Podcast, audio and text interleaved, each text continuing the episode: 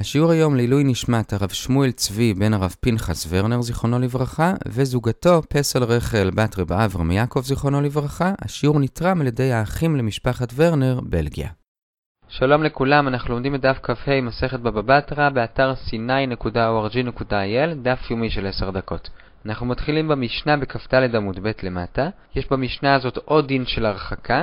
אדם שיש לו גורן, גורן זה איפה שעושים את הערימות של התבואה, צריך להרחיק אותו 50 אמה משכניו. כי המוץ של התבואה עף ברוח ונכנס לתוך הגידולים של השכן, כמו שנראה עוד רגע, ומזיק.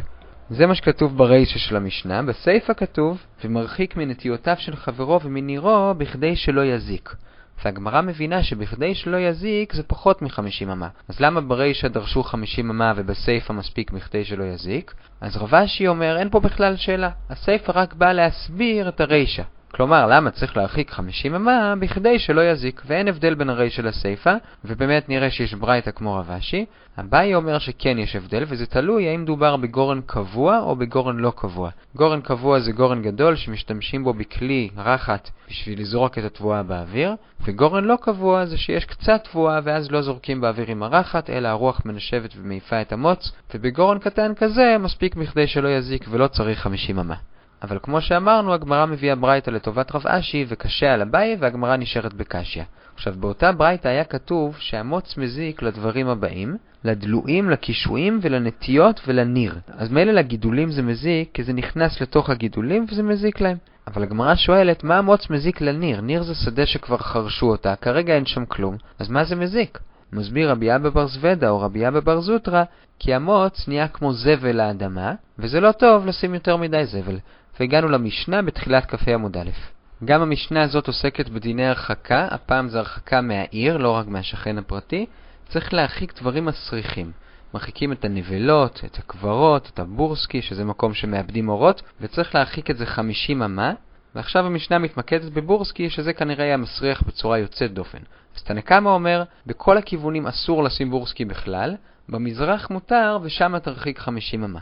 רבי עקיבא אומר שמותר בכל הכיוונים, חוץ מבמערב, ומרחיק 50 אמה. והגמרא שואלת, למה רבי עקיבא התכוון? האם הוא התכוון בכל הכיוונים של העיר מותר אפילו להצמיד את הבורסקי לעיר, ובמערב, אם אתה רוצה, אז תעשה 50 אמה מרחק, או שהוא אומר בכל הכיוונים צריך להרחיק 50 אמה, ובמערב אסור לגמרי. והגמרא פושטת מברייתא, תשמע שרבי עקיבא התכוון לאפשרות השנייה, שבמערב אסור לגמרי, ובשאר הכיוונים צריך להרחיק 50 אמה. ולמה במערב אסור לגמרי? אומרת הברייתא מפני שהיא תדירה. מה זה אומר שהיא תדירה? אז אפשרות ראשונה שעולה בגמרא שאומר רבא לרב נחמן זה שהיא תדירה ברוחות, כלומר היא מנשבת הרבה רוח. אבל את זה הוא דוחה בגלל מימרא בשם רב, שאומר שדווקא רוח צפונית היא הכי תדירה. כי לא משנה איזה רוח מנשבת, תמיד באה רוח צפונית ומרגיעה אותה קצת. אז פירוש שני שהרוח המערבית היא תדירה, הכוונה היא ששם נמצאת השכינה. לכן זה לא מכובד לשים בורסקי בצד מערב, כי שם יש שכינה. ועכשיו, כיוון שהזכרנו את השכינה במערב, אנחנו נכנסים פה לסוגיית אגדתא, מכאן ועד המשנה בסוף כ"ה עמוד ב'.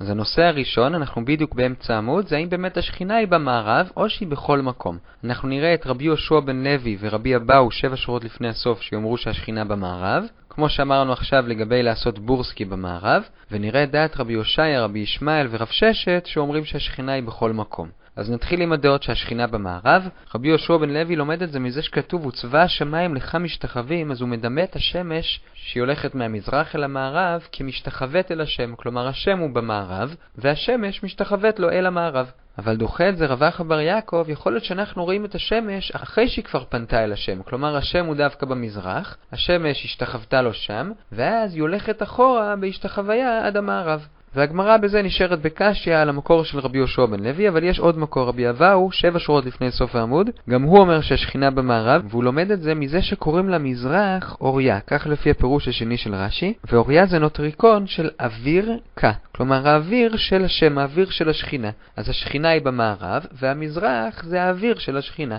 אז זה שתי הדעות שהשכינה היא במערב. עכשיו נראה שלוש דעות שהשכינה היא בכל מקום. אז רבי יושעיה קודם כל אומר שהפסוק של אתה הוא השם לבדיך וכולי וצבא השמיים לך משתחווים, זה בא לפאר שאתה השם לבדיך, רק אצלך השם יש את הדבר הזה שהשליחים שאתה שולח יכולים לומר לך שהם עשו את שליחותם לא מאיפה שהם יצאו, ששם המשלח נמצא, אלא מאיפה שהם הגיעו. כי המשלח במקרה הזה, כלומר השם, נמצא גם שם. ונסביר את זה יותר על ידי הפסוק שהוא מביא, התשלח ברקים וילכו ויאמרו לך הננו, השם שולח את הברק, הברק מגיע אל המקום שהשם שלח אותו אליו, ובאותו מקום שאליו הוא הגיע, הוא אומר להשם, הגעתי. כלומר, השם נמצא גם מאיפה שהוא השתלח, וגם במקום שאליו הברק הגיע. כלומר, השם נמצא בכל מקום. זה המקור של רבי הושעיה. רבי ישמעאל מביא גם כן מקור מאוד דומה, שכתוב בזכריה שהשם שלח שני מלאכים, המלאך השני בא לבטל את השליחות של המלאך הראשון, ומשמע בפסוק שאחד הגיע מצד אחד והשני הגיע לקראתו, כלומר מהצד השני. כלומר השם נמצא בשני מקומות והוא שלח את שני המלאכים משני כיוונים שונים. וגם רב ששת מצטרף לדעות שהשכינה היא בכל מקום. הוא לא מביא מקור, פשוט אנחנו רואים מתוך סיפור של רב ששת, שרב ששת אמר לשמה שלו, תן לי להתפלל לכל כיוון כי השם נמצא בכל מקום. אמנם למזרח מזרח ספציפית לא, כי לשם המינים מתפללים. אנחנו עכשיו שש שורות לפני סוף עמוד א', הגמרא עכשיו עוברת לעבור בארוחות, איזה רוח טובה, איזה רוח לא טובה, אנחנו נדלג לרגע ל-11 שורות לפני המשנה בעמוד ב', בשביל להמשיך את העניין הזה של איפה השכינה נמצאת, ואז נחזור לפה לעניין הרוחות. אז רבי יצחק אומר לאן כדאי לכוון את הפנים בתפילה, אז הוא אומר אם אתה רוצה להעשיר תתכוון לכיוון צפון, אם אתה רוצה להחכים אז לכיוון דרום. ואיך תזכור את זה? השולחן במקדש היה בצפון, וזה מסמל את השפע הגשמי, והמנורה הייתה בדרום, שזה מסמל את החוכמה. רבי יהושע בן לוי אומר עדיף שבכל מקרה תדרים, ככה תהיה חכם, ואם תהיה חכם גם תהיה עשיר. עכשיו, רבי יהושע בן לוי הוא זה שאמר שהשכינה היא במערב, אז איך אתה מתפלל לדרום? מסבירה הגמרא, אתה מתפלל למערב, אבל קצת מטה גם לכיוון דרום. ולסיום, בא רבי חנינא, ואומר לרב אשי משהו שאני מניח שחיכיתם לו כבר, שבאמת צריך פשוט להתפלל לכיוון ארץ ישראל. והוא אומר, אנחנו, שאנחנו בבבל, אנחנו צריכים להתפלל לכיוון דרום, כי שם נמצאת ארץ ישראל. ועכשיו סיימנו עם איפה נמצאת השכינה, וממילא גם לאן להתפלל. עכשיו נחזור אחורה, שבע שורות לפני סוף עמוד א', ענייני רוחות. קצת דילגנו על משהו בערך בשליש העמוד כשאמרנו שהרוח צפונית היא הכי תדירה, היה כתוב שם גם על רוח דרומית שהיא הרוח הקשה מכולם, ולולי המלאך שקוראים לו בן עץ שהוא קצת מרגיע אותה, אז היא הייתה מחריבה את כל העולם כולו. עכשיו נראה גם להפך, נראה משהו רע על רוח צפונית ודווקא משהו טוב על רוח דרומית וגם על שאר הרוחות. אנחנו נראה בעיקר את רבי יהודה ואת רבי אליעזר. רבי יהודה נמצא 6 שורות לפני סוף עמוד א', ואז נדלג על ה-11 שורות הראשונות של עמוד ב' ונראה את רבי אליעזר, שגם הוא מביא פסוק. אז הפסוק של רבי יהודה זה הפסוק של יערוף כמטר לקחי. מפרשת האזינו, והוא דורש כל חלק מהפסוק על כיוון אחר. הפסוק של רבי אליעזר זה הפסוק של איוב, מן החדר תבוא סופה וכולי. אנחנו נצרף את שתי הדעות ונראה אותם לפי הרוחות. אז לגבי רוח מערב, רבי יהודה דרש את הפסוק יערוף כמטר לקחי, רבי אליעזר אמר שזה הפסוק מנשמת אל ייתן קרח, משמע ברבי אליעזר שזאת רוח קרה, ברבי יהודה לא ברור מה זה בא לומר. רוח צפונית, שניהם אומרים שזו רוח לא כל כך טובה. רבי יהודה דורש את זה על תיזל קטל אמרתי, שזה מוזיל את הזהב, כלומר רוח צפונית גורמת לשרב, אין אוכל, ואז כבר מחיר הזהב יורד. גם רב חיסדא באמצע עמוד ב' יגיד אותו דבר מהפסוק מצפון זהב יעתה.